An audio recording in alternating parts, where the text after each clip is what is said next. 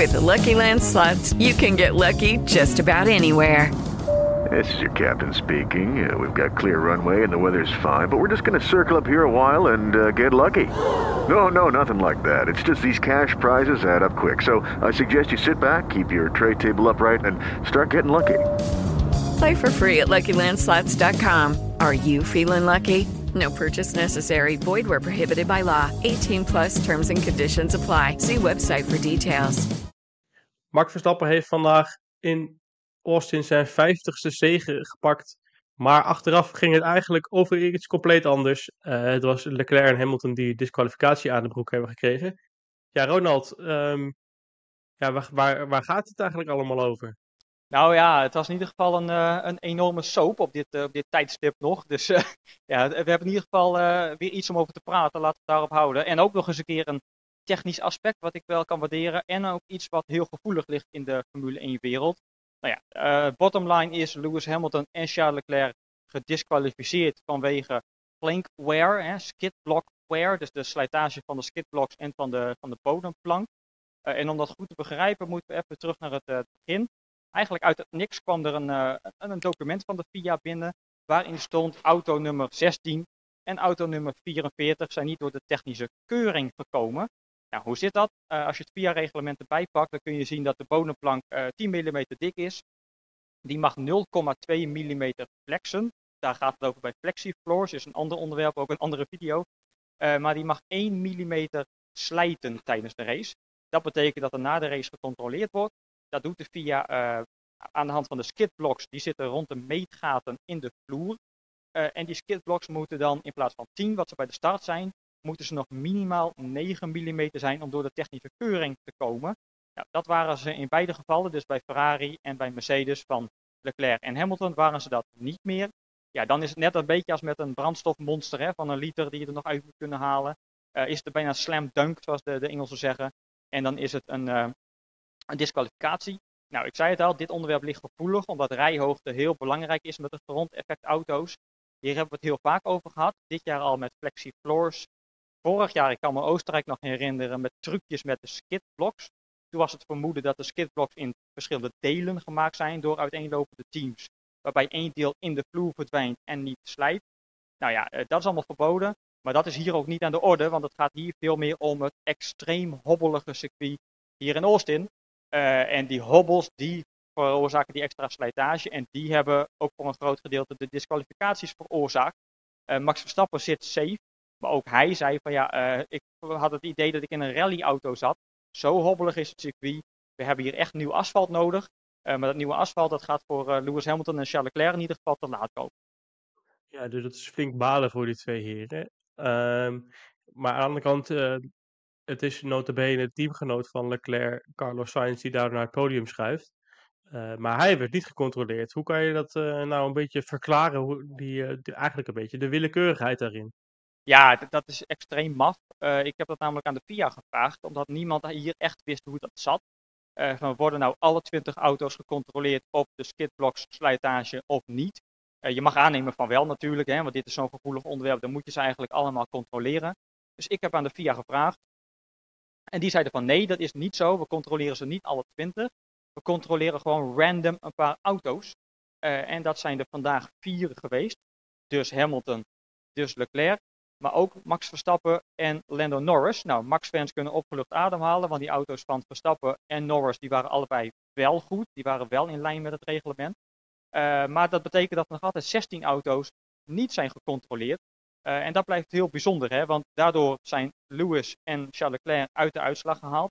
Schuiven andere auto's op, maar niemand weet of die auto's wel of niet legaal zijn. Dus je, voor hetzelfde geld keer je nu meer punten uit aan coureurs, aan teams die ook een illegale vloer hadden, die ook een, een vloer hadden die te veel weggesleten was.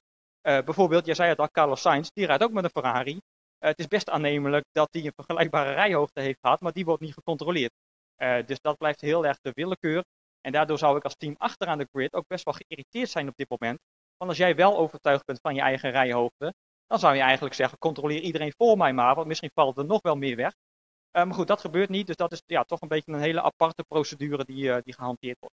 En überhaupt is het eigenlijk best een aparte nou ja, aparte dag geweest op gebied van disqualificaties. Van zo vaak zien we eigenlijk niet dat op basis hiervan nou coureurs uit de uitslag worden gehaald. Nee, nee, nee, nee, absoluut niet. Dit is, dit is vrij opmerkelijk en vrij atypisch. Een heel belangrijk aspect dat we nog moeten benoemen bij dit alles is het sprintformat. Want de, het hobbelige circuit is absoluut de hoofdfactor geweest. Maar het sprintformat speelt ook een hele belangrijke rol. En dan meer specifiek dat Park Vermee al een één vrije training van kracht is hè, aan het begin van de kwalificatie als jij de pitbox uitrijdt. En dat betekent dat je maar één training hebt om die rijhoogte te bepalen. En dat maakt het tot op zekere hoogte gokwerk. en ik moest heel snel terugdenken aan, aan Spa, de Grand Prix van België. Daar hebben wij een losse video over opgenomen. Uh, maar toen in de hoofdrace hebben we gezien dat PRS en Verstappen allebei heel vaak gelift hebben door Eau Radion. En dat was waarschijnlijk ook om de skidblocks te beschermen. En, en dus om eigenlijk een, ja, een soort uh, precedent van vandaag dan te voorkomen. Nou, dat is met verve geluk bij Red Bull. Maar het geeft wel aan dat het heel tricky is om in die ene training dan meteen de, de rijhoogte goed te krijgen. Des te meer, dat hoorde ik ook net in de paddock, dat je zelf als team dan ook niet meer de bodemslijtage mag meten. Uh, dat mag alleen maar in de eerste vrije training, maar daarna mag je er ook niet eens meer aankomen. Dus het blijft een beetje natte vingerwerk. Je mag er alleen nog aankomen als je vanuit de pitlane begint. Uh, en dat is ook wel curieus, hè, want bijvoorbeeld Haas is qua rijhoogte nog omhoog gegaan qua veiligheid. Maar Aston Martin, die zaten met Stroll juist te hoog.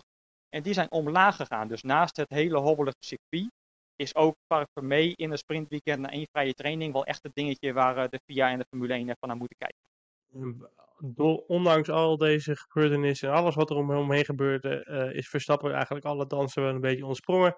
En is zelfs uh, de winnaar geworden van een Grand Prix, zoals ik al zei.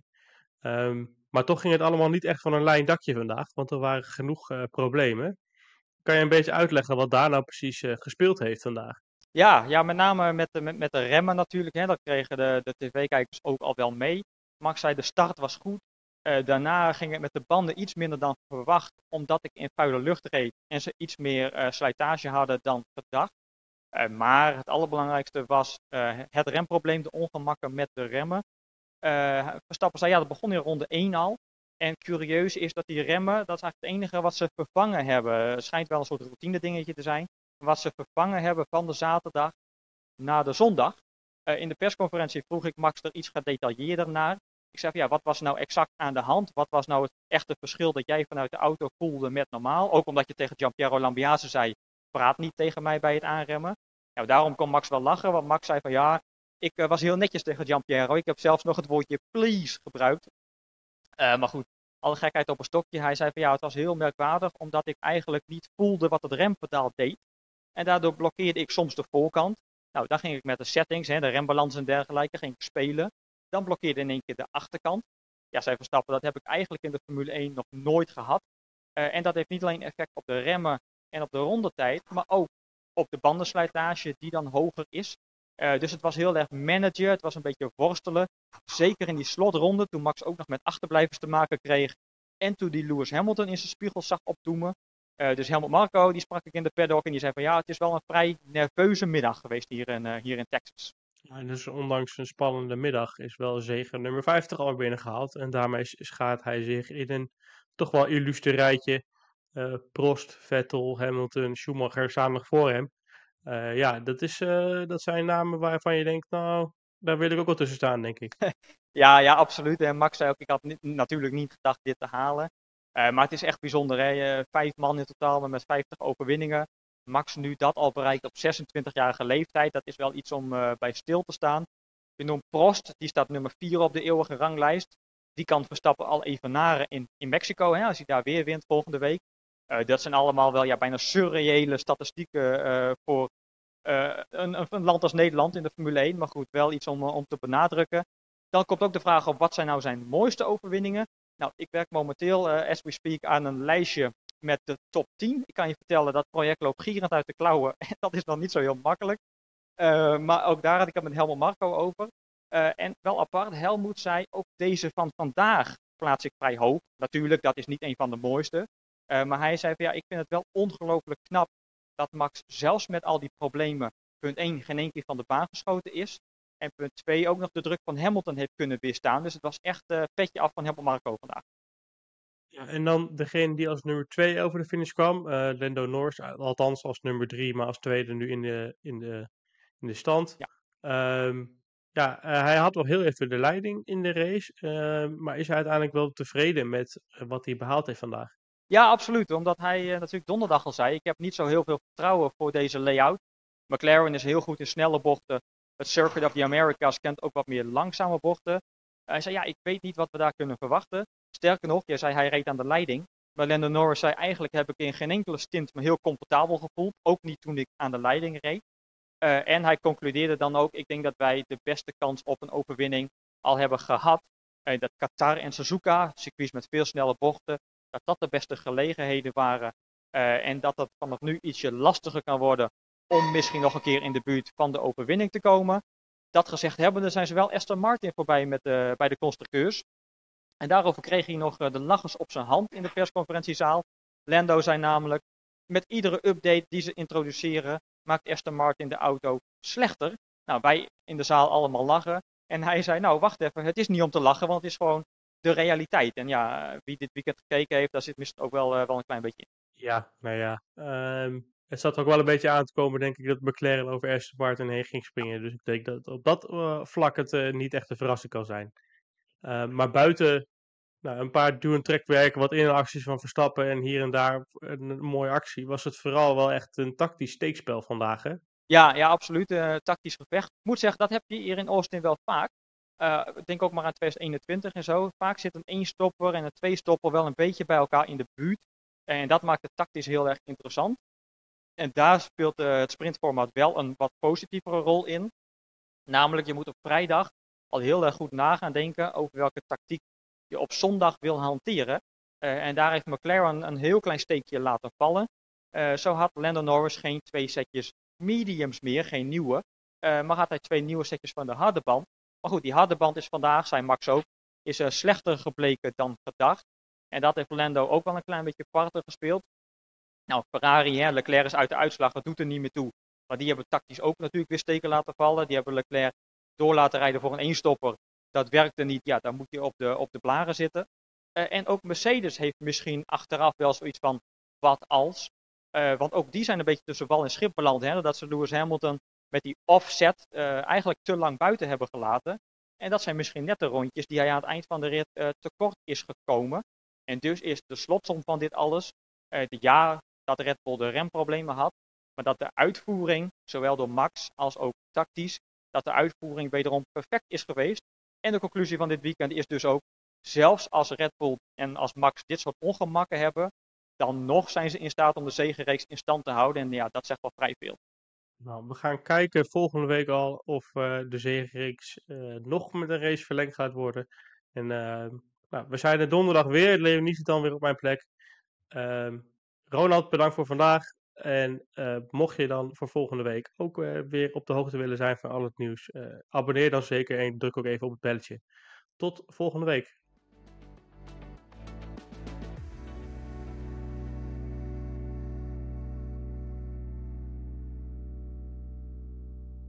Hello, it is Ryan, and we could all use an extra bright spot in our day, couldn't we? Just to make up for things like sitting in traffic, doing the dishes, counting your steps, you know, all the mundane stuff. That is why I'm such a big fan of Chumba Casino. Chumba Casino has all your favorite social casino style games that you can play for free anytime, anywhere with daily bonuses. That should brighten your day a.